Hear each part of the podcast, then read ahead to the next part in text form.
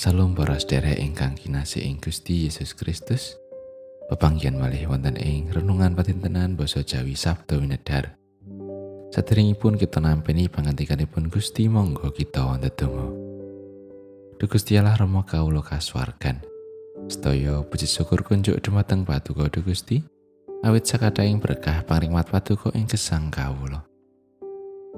Samenika kawula nyawisaken manah kawula badhe nampi sabtu paduka ingkang suci. Sunggara suci ingkang paring pangandikan. Madangi manah kawula satemah kawula kasagetaken nindakaken dawuh paduka. Kawula ngrumaosi dereng saged ngecakaken dawuh paduka kanthi sampurna. Mugi Gusti kersa ngapunteni. Wonten ing asmanipun Gusti Yesus Kristus kawula ndedonga. Amin. Wawasan kapendet saking Efesus bab kali ayatipun 11 dumugi kali likur. Mulane ngiling ngono, menawa biyen kowe wong-wong kang dudu wong Yahudi munggo ing daging, kang sinebut wong-wong kang ora tetak dening wong-wong kang ngarani awake dhewe tetak, yaiku tetak tata lair srana tanganing manungsa. Menawa nalika semono kowe tanpa Sang Kristus, ora klebu warga Israel. Lan ora oleh panduman tumrap prastya kang kajanjekake tanpa pangarep-arep lan tanpa Gusti Allah ana ing donya. Nanging saiki kowe ana ing Sang Kristus Yesus. Kowe kang nalika semono adoh, saiki wis dadi cedhak marga saka Sang Kristus. Marga iya panjenengane iku tentem rahayu kita. Kang wis manunggalake sakaru karone dadi siji. Lan kang wis ngrubuhake tembok singgetan, yaiku sesatron. Awit panjenengane wis mbatalake angger-anggering toret dalasan sakabehing pepakon lan ketemtuan-ketemtuan supaya sakaru-karune dadi manungsa anyar. Siji ana ing panjenengane lan kelawan mangkono iku banjur nganakake tentrem rahayu. Lan kanggo ngrukunake sakaru-karune ana ing badan siji karo Gusti Allah srana salib kanthi ngilangake sesatron kang ana ing salib iku panjenengane rawuh lan martakake tentrem rahayu marang kowe kabeh kang adoh lan marang wong-wong kang cedhak. Awit iya marga saka panjenengane iku kita sakarone ana ing roh siji padha oleh dalan marang ing ngarsane Sang Rama. Marga saka iku kowe dudu wong manca lan dudu wong neneka maneh.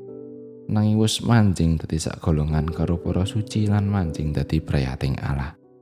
Kang kabangun ada dasar ing para rasul lan para nabi. Kelawan Sang Kristus Yesus kang minangka watuning pepojok. Iya panjenengane iku kang dadi margane sagedhong kabeh. Sawise katata runtut banjur dadi padalemaning Allah kang suci ana ing sajroning Gusti. Ana ing padaleman iku kowe uga padha melu kabangun dadi padalemane Gusti Allah ana ing sajroning Roh. Mangkatan pangantikanipun Gusti ayat naseng ayat 13 lan sekawan welas. Nanging saiki kowe ana ing Sang Kristus Yesus. Kowe kang nalika semono adoh, saiki wis cedhak marga saka roe Sang Kristus. Marga iya panjenengane iku tentrem rahayu kita, kang wis manunggalake sakaro-karone dadi siji, lan kang wis ngrubuhake tembok singgetan, yaiku sesatron. Sederek-sederek ingkang kinasih wonten ing Gusti Yesus, kita temtunipun taksih kemutan lan dereng supe dateng Presiden RI ingkang sepisan nggih menika Insinyur Soekarno.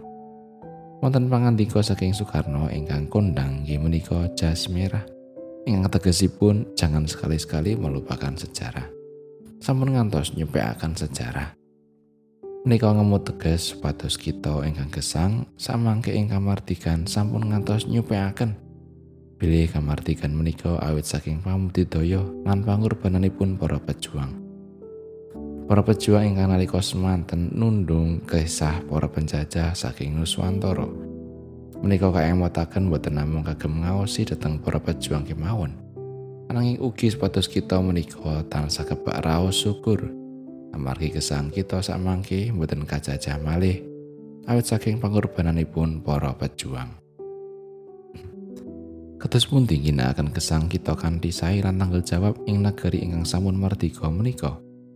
Ingkang sepisan kita mestinipun kedah mangertosi bilih para pejuang anggenipun ngrebat negari menika kanthi pengorbanan ingkang ageng lan nyawa ingkang dados totohanipun Selajengipun ugi ngginakaken gesang menika kanthi sae lan tanggal jawab dhateng pungsa lan nagari. Para pandheripun Gusti Yesus kasuwun inggih kedah mangertosi sinten tau kita menika. Ing Efesus kalih ayat 13 kan sekawan welas seto sangat pilih kita menika rumiyin setosipun nglampahi gesang ingkang kebak dosa lan remen lebih saking Gusti. Gesang kita tumuju ing karisaan lan mestinipun kedah nampi paukuman saking Gusti. Ananging amargi katresnanipun Gusti dhateng kita, ingkang sampun martikaaken kita kanthi ngorbanaken saranipun kangge nebus kita saking dosa lan duraka. Mila sumangga kita ginakaken kamartikan paringipun Gusti menika, gesang kita kanthi sae lan tanggung jawab. Amin.